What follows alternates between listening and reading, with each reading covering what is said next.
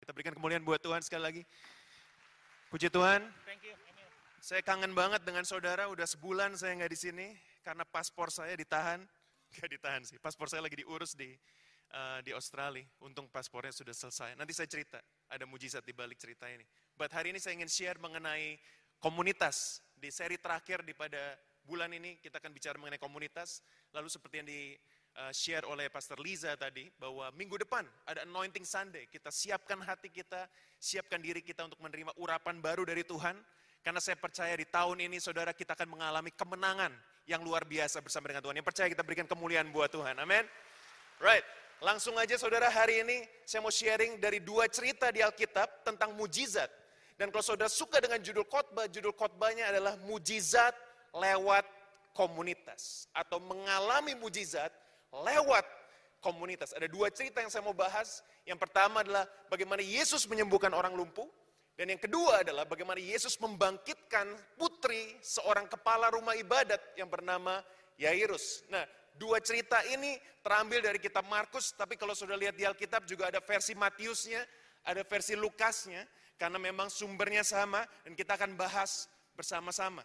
Saudara, sebelum dari itu saya mau share buat saudara bahwa komunitas akan menentukan bagaimana kita bertumbuh. Komunitas kita akan menentukan bentuk kita bagaimana, skill kita bagaimana, penampilan kita bagaimana, cara berpikir kita bagaimana, dan perilaku kita seperti apa. Saya setiap minggu mengantar anak saya main sepak bola, kita bayar uh, sepak bola katanya sih soccer school. Saya pikir soccer school seperti di Arsenal atau di Chelsea, ternyata nggak seperti itu.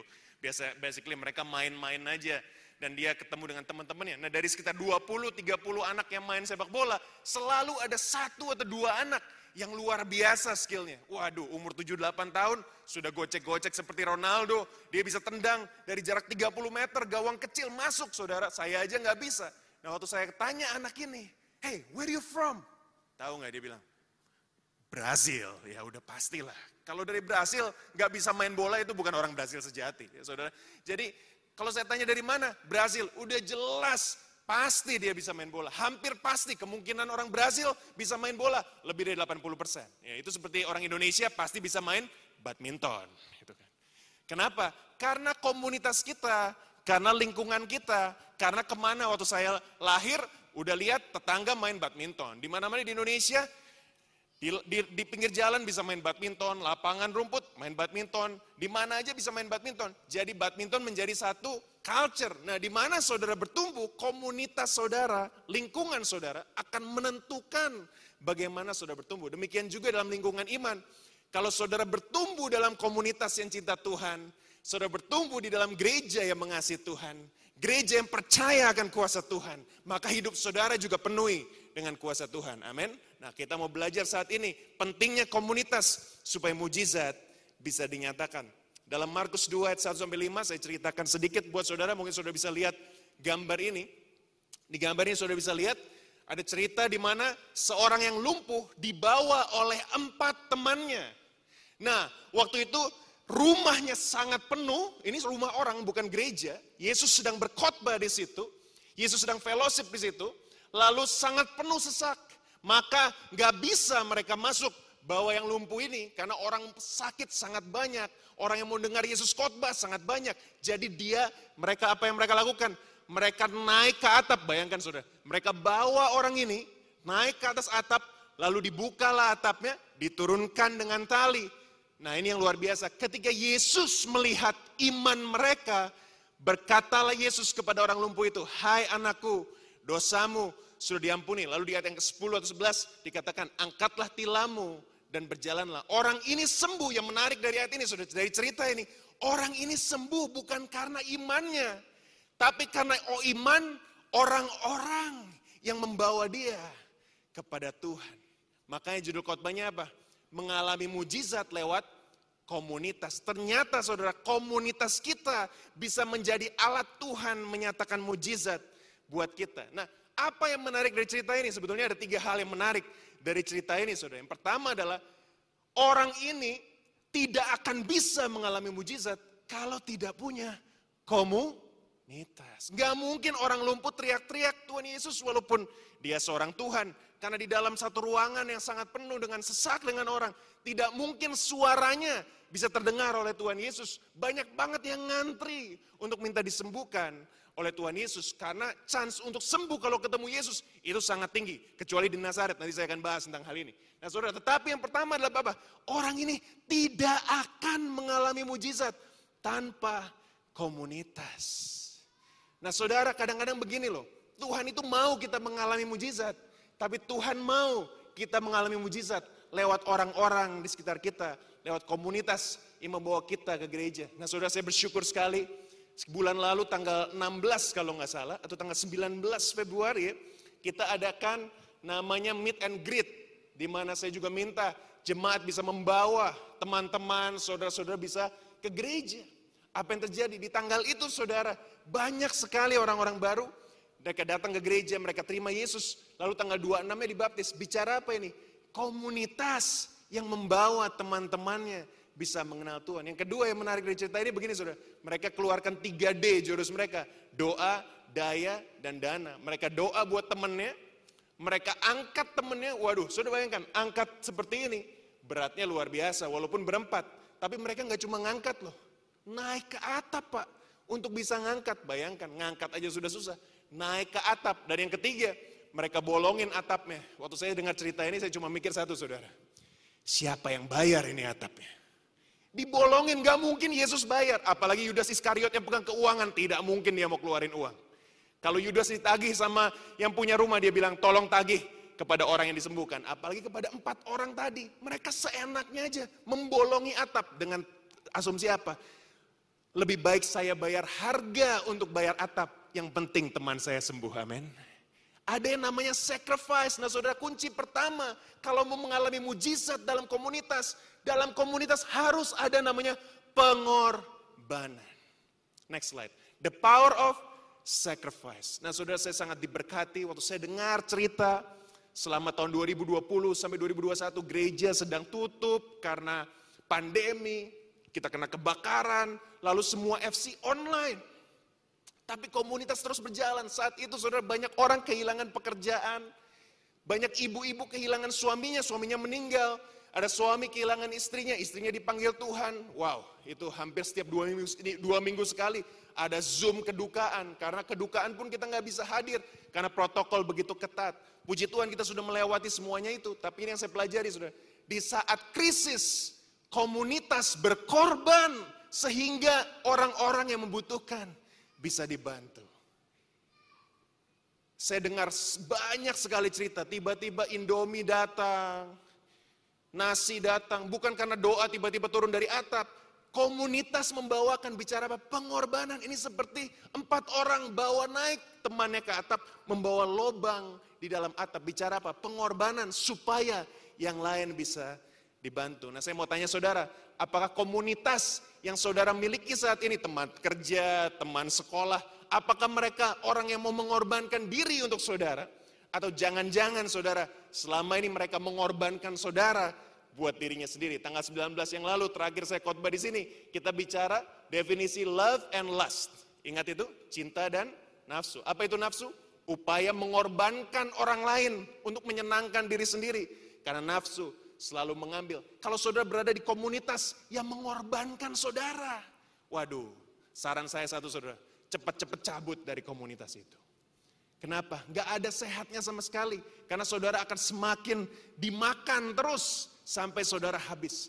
Tapi kalau saudara berada di komunitas yang mau mengorbankan diri buat saudara, maka saudara akan ditolong, saudara akan dibantu, saudara akan dilayani. Dan saya bersyukur saudara dan saya bersyukur buat semua gembala FC di tempat ini ada hampir 200 orang lebih gembala FC di tempat ini. Di mana selama pandemi, bahkan setelah pandemi, setiap jemaat ada kekurangan. Setiap jemaat ada yang perlu dibantu. Gembala-gembala FC bersama dengan core mengorbankan dirinya untuk bisa membantu jemaat-jemaat yang memerlukan. Kita berikan tepuk tangan buat Tuhan, saudara, dan juga buat pengorbanan gembala-gembala FC di tempat ini.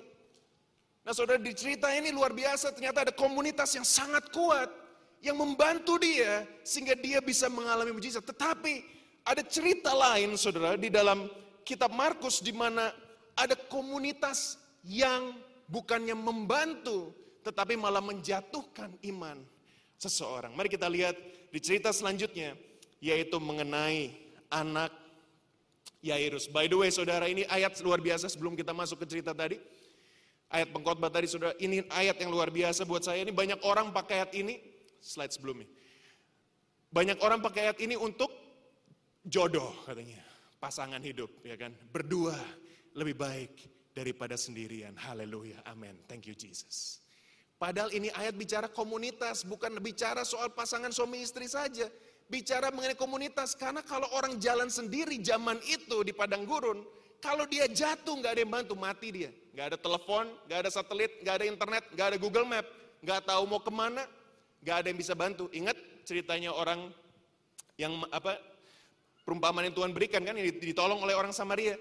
Waduh, karena dia sendirian, habis dia. Firman Tuhan berkata, tidak baik jika manusia itu sendiri, dari kejadian sudah dibilangin. Maka itu apa? Perlu orang untuk membantu kita bisa berdiri kembali. Nah saudara, saya punya satu uh, slogan di sini, bisa ditampilkan. A faith encounter without a faith environment will not endure. Apa ini? Orang cuma ketemu Tuhan, tapi nggak punya komunitas, tidak akan bisa bertahan. Sudah pastilah. Itu zaman-zaman tahun 99, 2000, Waduh, zaman-zaman itu saudara banyak orang cari fenomena kan ke gereja dia bilang, Lu udah ke gereja itu belum? Lagi penyembahan, debu emas turun dari atas. Oh ya? Bahkan ada kata gigi palsu dari warna silver jadi emas, saudara. Saya sih nggak percaya. Tapi orang cari fenomena, dan waktu cari fenomena, banyak orang maju ke depan didoain, saudara. Jatuh, berbahasa roh. Waduh, waktu saya lihat, wah hebat, dia lahir baru loh. Tapi apa yang terjadi? Dua minggu kemudian, kena Tuhan, gak ada komunitas, balik lagi berjudi lagi, balik lagi kepada kehidupan yang lama, main biliar tiap hari, sekolah nggak benar, akhirnya gagal sekolahnya semua. Kenapa? Lahir baru, an encounter without a faith environment tidak akan bertahan. Amin, saudara. Tapi saya mau bilang buat saudara begini, kalau saudara ketemu Tuhan dan ketemu komunitas yang sehat, maka saudara mau badai sebesar apa pun, tantangan hidupmu seberat apa pun, dengan komunitas yang kuat, saya percaya kita bisa bertahan, bahkan kita bisa menang bersama dengan Tuhan. Amin, saudara. Makanya jangan fokus pada fenomena, tapi fokus pada komunitas. Gereja yang fokus pada fenomena bisa rame minggu-minggu tertentu, datanglah kesembuhan terjadi. Coba saudara, kalau kita promosiin, datanglah minggu depan. Bukan hanya saudara mendapat urapan, saudara akan mendapat rejeki sampai keturunan yang beribu-ribu. Waduh, datang semua orang dari segala penjuru dunia, pasti. Kenapa? Cari fenomena, tapi tidak akan bertahan. Begitu minggu depannya nggak ada acara, surutlah sudah. Pertama kali atmosfer 2013 sudah kita promosiin fenomena terus.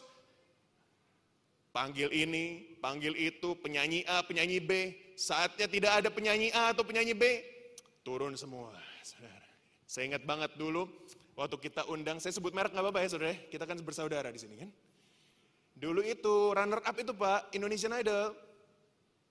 Mike Mohede satunya. Riza Kaside bukan. Oke, saudara nggak pernah nonton Indonesian Idol.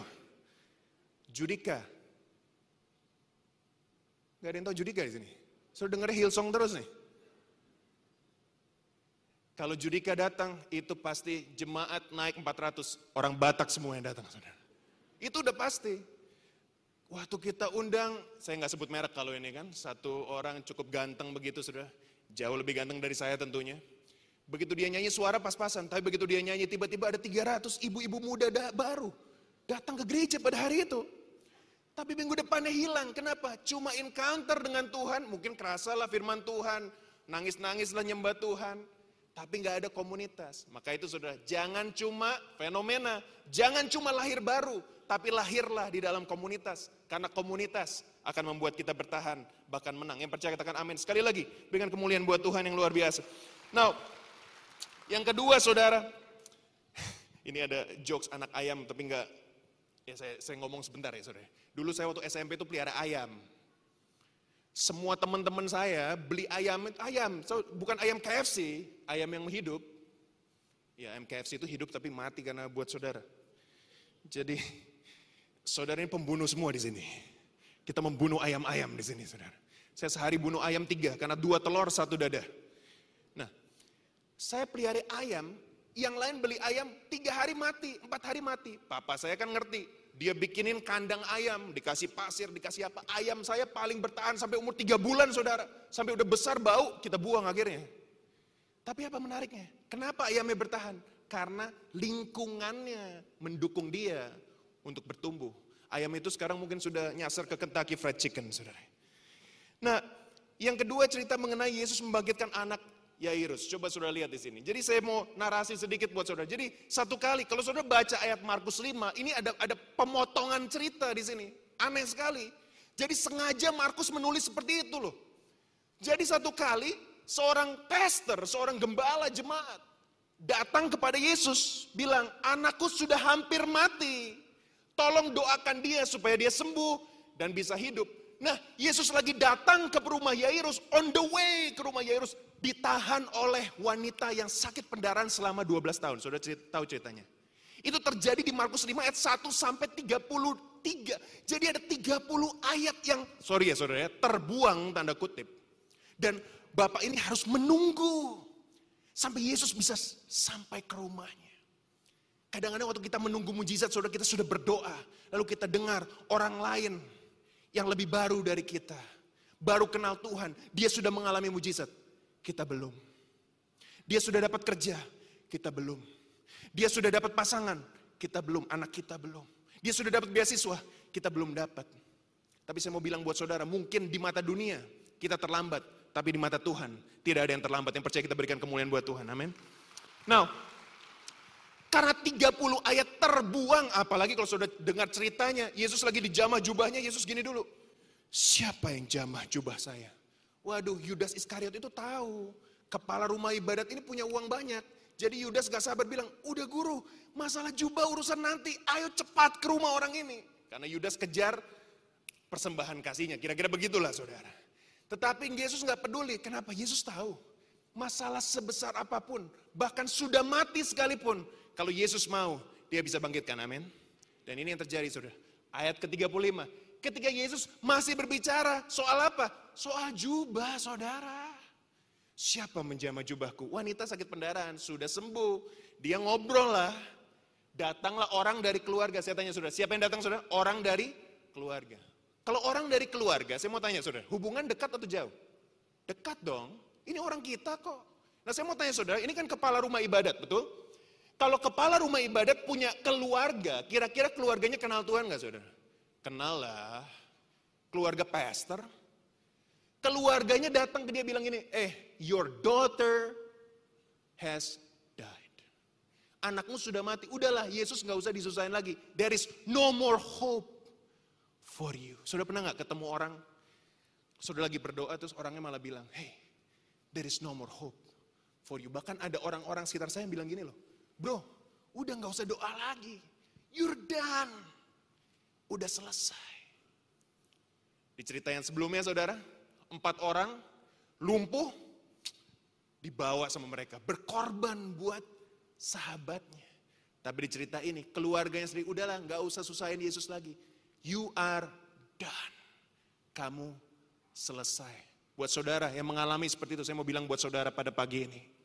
Dunia bisa bilang kita selesai, tapi Yesus adalah Alfa dan Omega. Dia yang awal dan yang akhir. Kalau Yesus bilang belum selesai, berarti belum selesai. Berarti masih bisa ada ruangan untuk mujizat terjadi buat hidup saudara. Amin.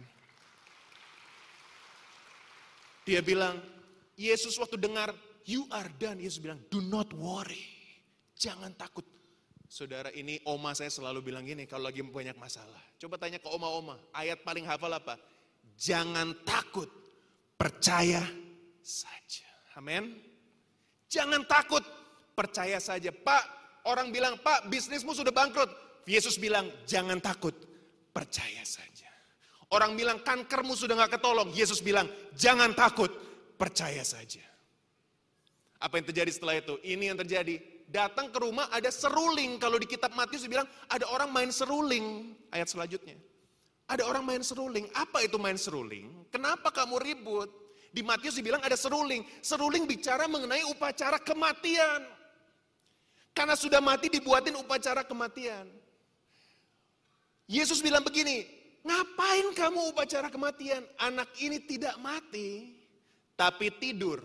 Mereka menertawakan dia karena menurut saya, mereka sudah tahu anak itu mati karena ada dokter di dalam ruangan itu. Yang sudah men, me, me, me, me, memeriksa denyut nadinya. Dan secara medis dinyatakan mati. Tapi Yesus punya pengalaman. Ada seorang yang namanya Lazarus. Bukan hanya mati selama bermenit-menit, mati selama beberapa hari sudah sudah menjadi mayat yang cukup busuk dan bau. Dan Yesus tahu, kalau Lazarus saja yang sudah mati berhari-hari bisa bangkit, apalagi anak ini. Tidak ada yang mustahil bagi Tuhan, amin. Lalu Yesus bilang, do not worry. Dan ini yang luar biasa saudara. Dikatakan apa? Kalau saudara punya komunitas yang menjatuhkan iman saudara. Yesus mengusir semuanya itu.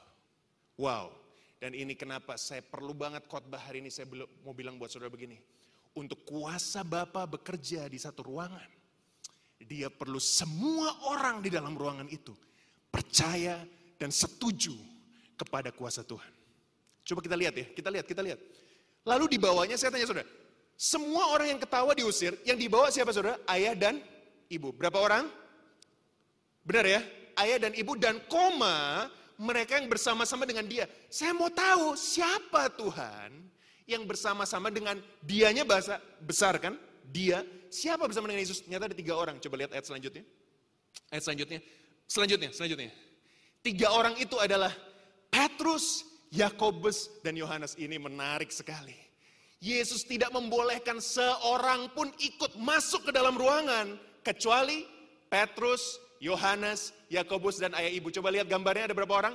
Petrus, Yohanes, Yakobus, ayahnya dan ibunya. Lima orang dengan Yesus enam, dengan anaknya tujuh. Saya mau tanya, kenapa?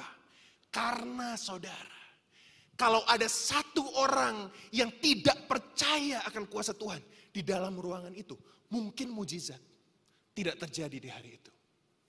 Karena Yesus punya pengalaman buruk di Nazaret, lihat ayatnya.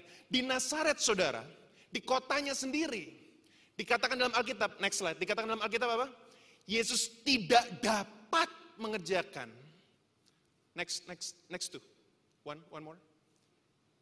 Yes, ia tidak dapat mengadakan satu mujizat pun di Nazaret. Kecuali sedikit aja nyembuhin orang-orang sakit. Tadinya kanker bisa sembuh. Gara-gara orang Nazaret nggak percaya sama Yesus. Mujizat tidak terjadi. Waduh, saya waktu lagi baca ini saudara bahasa Inggris kan. Jesus could not perform miracles over there. Matius agak sedikit lembut.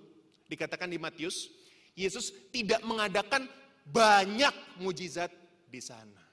Lukas kalau nggak salah bilangnya, Yesus hanya mengadakan sedikit mujizat di sana. Tapi Markus sangat direct sekali.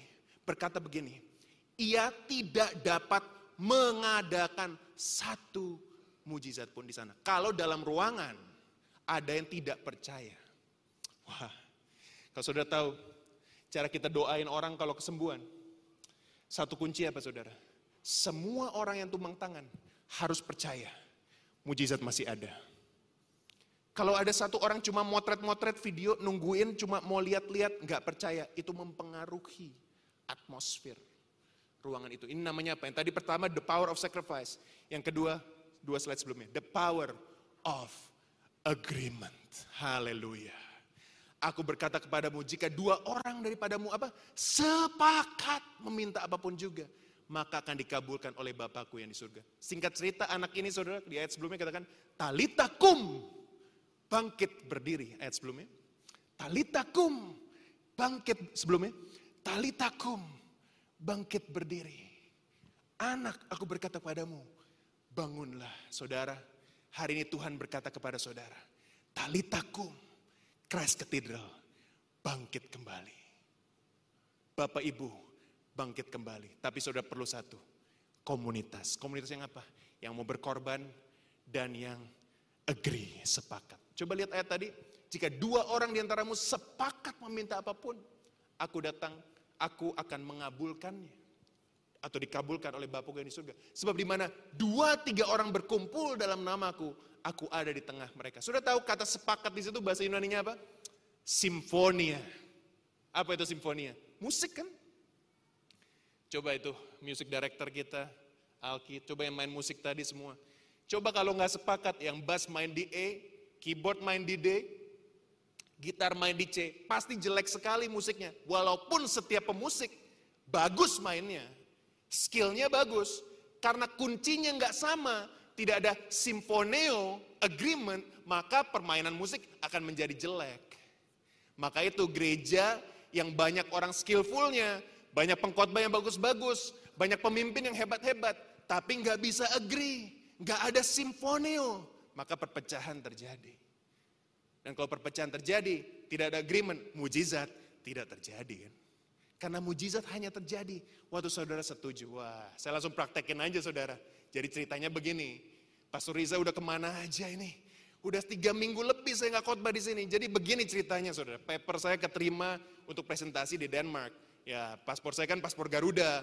Walaupun sudah 20 tahun di negara kangguru, tapi saya belum belum ganti lah ke kangguru. Karena Garuda lebih keren dari kangguru kayaknya saudara ya.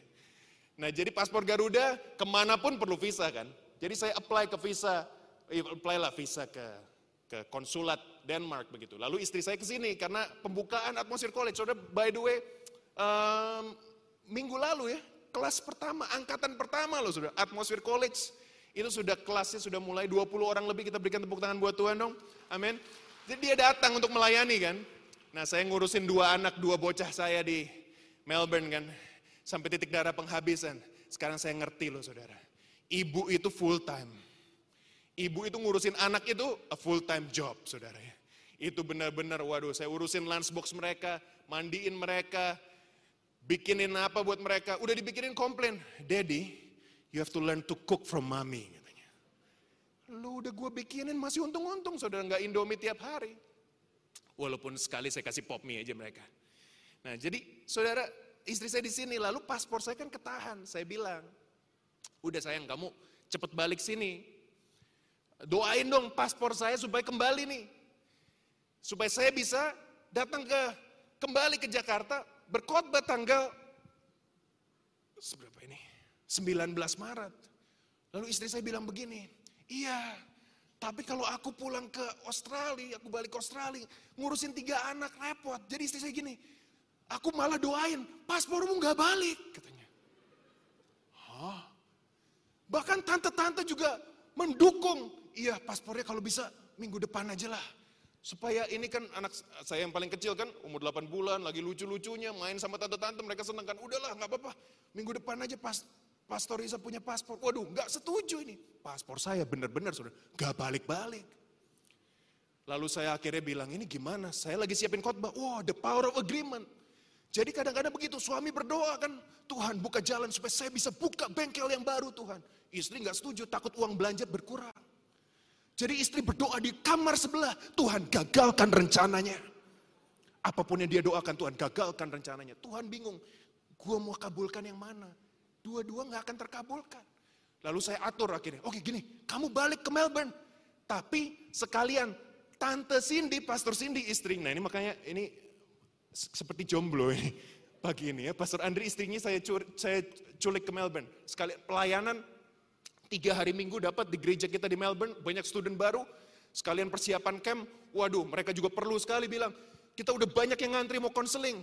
Saya bilang, oh ini bagus. Langsung sehari Selasa saudara, saya belikan tiket. Oke, kamu pulang ke Melbourne dengan Pastor Cindy, jadi kamu nggak sendirian. Istri saya langsung senang. Oke, setuju. Oh gitu ya. Jadi mereka terbanglah Rabu malam, saudara tahu? Rabu sore jam 3 saudara. Dapat email. Your passport can be collected from konsulat. Benar-benar begitu agreement, langsung mujizat terjadi saudara. Dapat paspor. Saya waktu ambil kami segeleng-geleng benar-benar ini firman Tuhan. Gak main-main. Selama saudara gak ada kesetujuan di rumah tangga, susah doamu terkabulkan. Tapi begini, jika dua orang sepakat meminta apa pun juga, maka Tuhan akan mengabulkan. Bapak, ibu, suami, istri, kakak, adik, anak, keluarga. Ayo, setuju, sepakat.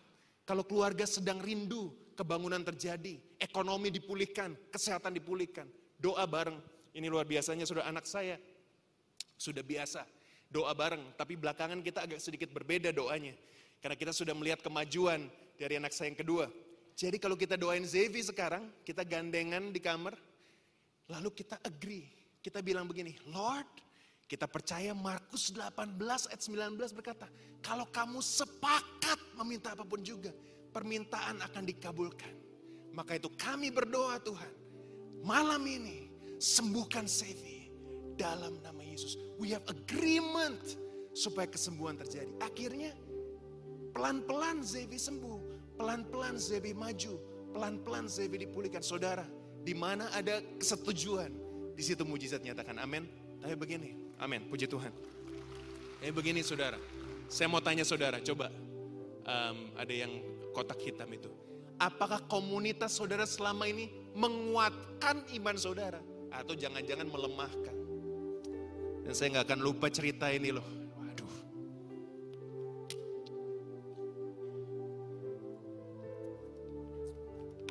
Saudara, kenapa saya tadi garis bawain? Keluarga kepala rumah ibadat, orang Kristen, malah menjatuhkan iman. Yohanes, Yakobus, dan Petrus yang gak kenal keluarga ini, malah menguatkan iman. Saudara kadang-kadang begini, Yohanes 7 ayat 5 berkata, Saudara Yesus tidak percaya kepadanya. Kadang-kadang keluarga kita sendiri, orang yang kita dekat, bisa menjatuhkan iman kita. Tapi saya gak akan lupa saudara, waktu saya SMA, saya berdoa buat keluarga saya. Waktu itu banyak keluarga diserang. Dan um, banyak yang bercerai. Tapi saya punya komunitas, persekutuan doa di Petra, di sekolah saya di Surabaya, yang menguatkan saya. Sekalipun sepertinya sudah nggak mungkin keluarga dipulihkan. Mereka selalu bilang, bagi Tuhan tidak ada yang mustahil. Keluarga saya dipulihkan, keluarga teman saya dipulihkan, kita celebrate mujizat bersama. Kenapa? Karena kita punya teman-teman yang ignite our faith. Sayangnya di gereja dan banyak di komunitas-komunitas juga. Banyak orang yang bukannya menguatkan iman, malah menjatuhkan iman. Ya kan? Ada yang mau beasiswa ke UK atau ke US bilang, alah kamu gak akan gak perlulah. Nah, saya menghargai sekali sudah banyak perempuan di tempat ini. Sekarang perempuan bisa sekolah sampai tinggi. Banyak perempuan dapat penghargaan dan lain sebagainya. Kemarin saya lagi di Melbourne Uni, dinner celebration. Lalu ada satu perempuan yang dia global CEO daripada salah satu company di New York. Tapi sering kali begini, waktu ada anak perempuan, dia mau sekolah beasiswa S2, S3. Lalu ada kata-kata begini, alah perempuan, gak usah sekolah tinggi-tinggi lah. Nanti juga ujung-ujungnya ke dapur, nanti juga masak dan lain sebagainya. Saudara, Mari jangan padamkan potensi wanita. Justru potensi wanita harus kita doakan, kita gali, kita kembangkan. Karena Tuhan mau pakai wanita-wanita yang luar biasa di gereja ini untuk kemuliaan nama Tuhan. Amin. Jadi jangan dipadamkan, harus dibangkitkan, harus dikuatkan. Saya bersyukur kalau saya berada di tempat ini. Bukan karena saya lahir baru tahun 99. Tapi saya lahir baru dan saya punya komunitas. Saya punya tanya saudara, apakah saudara punya komunitas? Apakah saudara punya Petrus, Yohanes, dan Yakobus yang mendukung iman saudara? Apakah saudara punya namanya the power of sacrifice and the power of agreement? Kalau saudara belum punya, gereja menyediakan family community. Saudara bisa scan QR code di screen ini. Atau setelah saudara selesai ibadah, saudara bisa daftar di information counter. Karena komunitas yang kami bangun di gereja ini, komunitas yang menolong saudara, menguatkan saudara, membantu saudara supaya saudara kuat. Jadi jangan tunggu lagi saudara, Please make yourself available. Join our community. We are, kita rindu sekali untuk bisa lebih lagi kenal saudara dan saudara bisa bertumbuh dalam Tuhan. Yang terakhir saudara, talita kum. Mari bangkit kembali. Yesus katakan, mengapa kamu ribut dan menangis? Anak ini tidak mati, tetapi tidur. Tahukah saudara, kondisi saudara separah apa pun, belum ada yang mati. Makanya saudara datang ke sini hari ini, amin. Berarti apa? Kalau saudara belum mati, berarti masih ada harapan buat saudara. Separah apa pun kondisi keluargamu, kondisi hubunganmu, kondisi bisnismu, pekerjaanmu, saudara bukan mati, hanya tidur. Dipegangnya tangan anak ini oleh Tuhan. Dikatakan talita kum. Hai anak, aku berkata kepadamu, bangunlah. Hai jemaat Christ Cathedral. Hari ini Tuhan berkata padamu, bangunlah, bangkitlah, dan menjadi terang. Sebab masa depan sungguh ada dan harapanmu tidak akan hilang. Mujizat itu nyata. Amin. Mari bangkit berdiri bersama-sama saudara. Di saat ku tak berdaya, kuasamu yang sempurna. Ketika ku percaya, Mujizat itu nyata bukan karena kekuatan, namun rohmu ya Tuhan. Ketika ku berdoa, mujizat itu.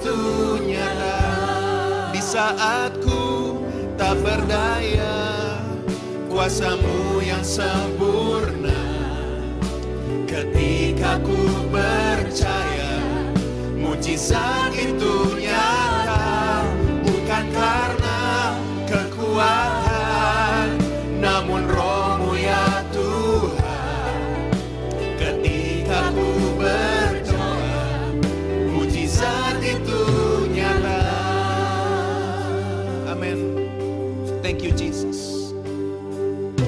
Tak terbatas, tak terbatas kuasamu Tuhan.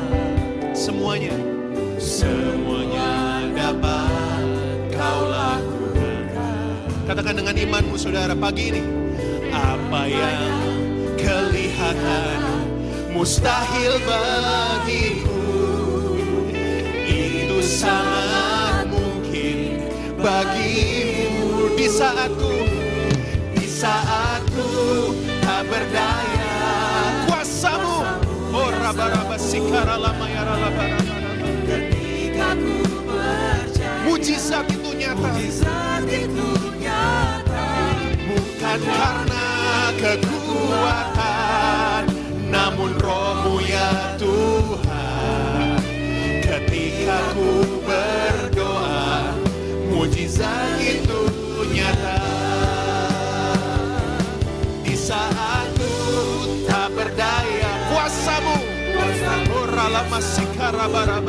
Ketika ku Ketika ku percaya, mujizat, mujizat itu nyata.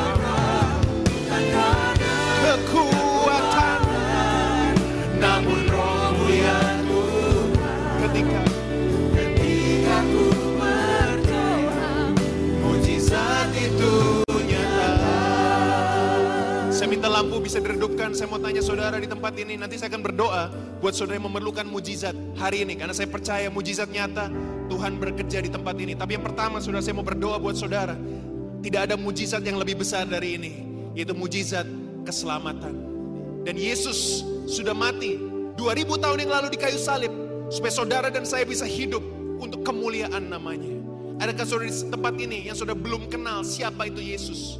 Mungkin kau bukan Kristen, mungkin kau belum percaya pada Kristus, atau kau sudah pernah dengar tentang Yesus, tapi kau nggak pernah mengenal Dia. Saudara, engkau mungkin tidak mengenal Yesus, tapi Yesus mengenalmu. Maka engkau ada di tempat ini bukan kebetulan, tapi karena kebenaran. Dan ini kebenarannya. Yesus mengasihimu. Dia mau engkau punya hidup yang kekal. Kalau saudara mau menerima Yesus sebagai Tuhan dan Juru Selamat pada hari ini, mari semua mata terpejam. Saya minta saudara turunkan tangan dulu. Kalau saudara mau menerima Yesus, saya akan hitung sampai tiga. Tidak perlu maju ke depan. Cukup di tempat di mana saudara berada, saudara angkat tangan. Di hitungan ketiga. Dan saya akan berdoa buat saudara onsite maupun online. Mujizat keselamatan biar terjadi dalam hidupmu. Sudah siap? Saya akan hitung sampai tiga. Kalau engkau mau menerima Yesus sebagai Tuhan dan Juru Selamat dalam hidupmu, cukup angkat tangan. Dan saya akan berdoa buat saudara. Saya hitung saudara. Satu, Tuhan Yesus mengasihimu. Dua, dia mati bagimu supaya engkau beroleh hidup yang kekal. Ada mujizat yang terbesar di tempat ini. Mujizat keselamatan. Maukah engkau menerima dia sebagai Tuhan dan Juru Selamat dalam hidupmu? Kalau engkau mau angkat tangan sekarang juga. Satu, dua, tiga. Terima kasih. Lebih tinggi lagi. God bless you. Lebih tinggi lagi. God bless you. God bless you. Thank you so much. I see you. I see you. See you. Thank you Jesus. Kira. Terus angkat tangan saudara. Saya akan berdoa buat saudara. Bagi saudara yang sudah angkat tangan. Mari ucapkan doa ini bersama dengan saya Randy. Bantu saya berdoa.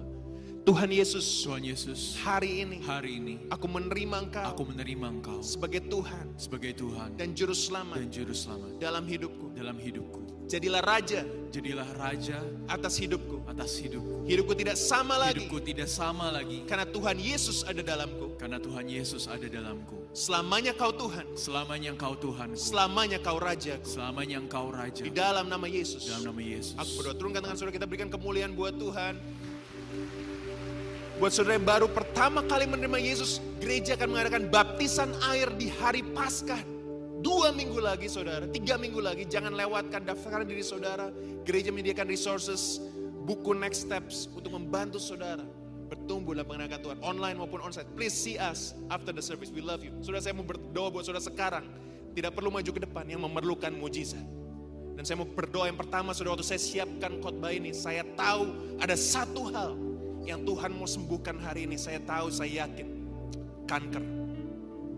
Adakah saudara yang mengalami sakit kanker stadium 1, 2, 3, 4 online maupun onsite? Tuhan mau bekerja, gereja akan berdoa buat saudara. Saudara nggak perlu maju. Tapi di mana saudara berada, we will pray for you. Kita akan agree satu ruangan ini, bikin atmosfer iman, di mana seperti di kamar anak Yairus terbaring. Di situ kuasa kesembuhan Tuhan terjadi. Maka kita percaya di tempat ini, kuasa kesembuhan akan terjadi. Saya mau tanya buat saudara, adakah saudara yang perlu kesembuhan, terutama can cancer? If it's you, Can you please raise your hand? Kalau itu saudara tolong angkat tangan saudara. Thank you, thank you bu. Saya rasakan tadi. Thank you bu. Ada di sini, ada lagi? Jesus kira baraba syakata kalam. Ada lagi? Thank you. Kalau nggak ada saya akan doa hanya satu orang. Ada online? Gak ada lagi. Asyar bisa bantu saya. If I miss anyone, because I see one person. If I miss anyone, Asyar bisa bantu saya. Thank you. Gak ada lagi. Oke. Gak ada lagi. Ada yang angkat tangan? I see one person. I see one person. Yes. Ada lagi. Thank you. Thank you. Thank you. If you don't mind, Bu, bisa tolong ke sini, Bu, supaya semua orang bisa lihat, Bu. Agak ke sini, Bu, ke koridor ini, Bu. Thank you. We will we will all pray for you dari sini, Bu. Thank you. Saya turun, saya turun, saya turun, saya turun. Saudara ini momen yang paling penting. Karena waktu saya siapkan khotbah ini ada mujizat yang Tuhan bilang. Thank you. Bu, silakan turun.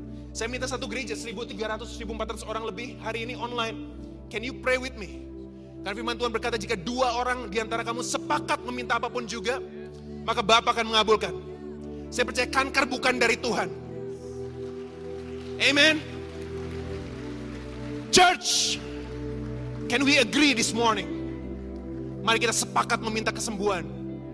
Buat dua ibu ini, mari kita angkat tangan, kita arahkan tanganmu. Gereja Tuhan dalam nama Yesus. Kurabaraba sikiara I pray for healing in the name of Jesus. Bapa, ini tahun kemuliaan. As you told me, Lord. Behold, the year of God's glory. Tuhan, tunjukkan pada dunia. Yesus ada di sini. Yesus masih menyembuhkan. Kuasamu tetap sama Tuhan.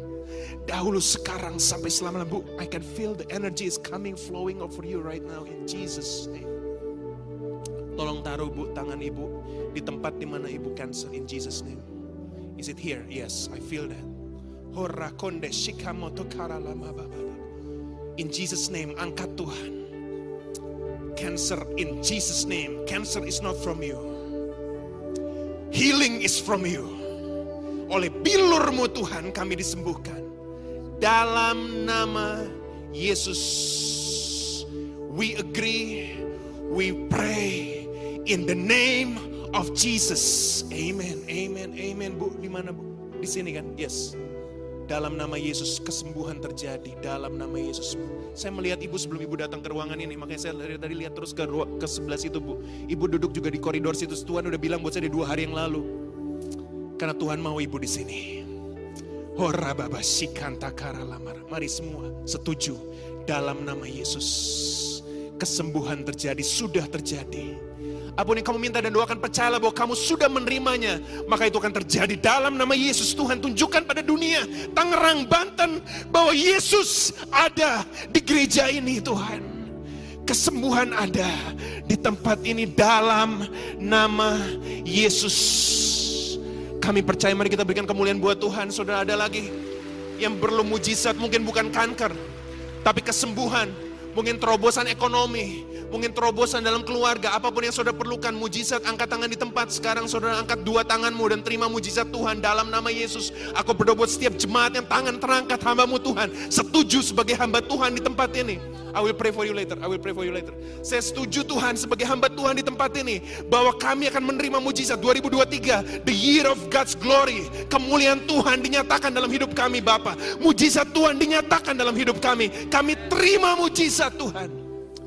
We agree in the name of Jesus. Lewat komunitas mujizat dinyatakan ini komunitas yang besar Tuhan. Tapi beri, berilah belas kasih-Mu Tuhan. We agree on miracles. Mari angkat tanganmu, terimalah berkat Tuhan. Kiranya berkat rahmat dari Allah Bapa, kasih karunia Putra Tunggal Allah Tuhan Yesus Kristus, dan persekutuan daripada rohmu yang rohnya yang kudus menyertai kehidupanmu semua. Sehingga kau tergabung dalam komunitas yang berkorban, komunitas yang sepakat, sehingga mujizat terjadi di keluargamu, mujizat terjadi di pekerjaanmu, mujizat terjadi di mana pun kau berada karena mujizat itu nyata dalam nama Yesus. Kami berdoa semua yang percaya kita terima mujizat Tuhan katakan amin. God bless you. See you next week.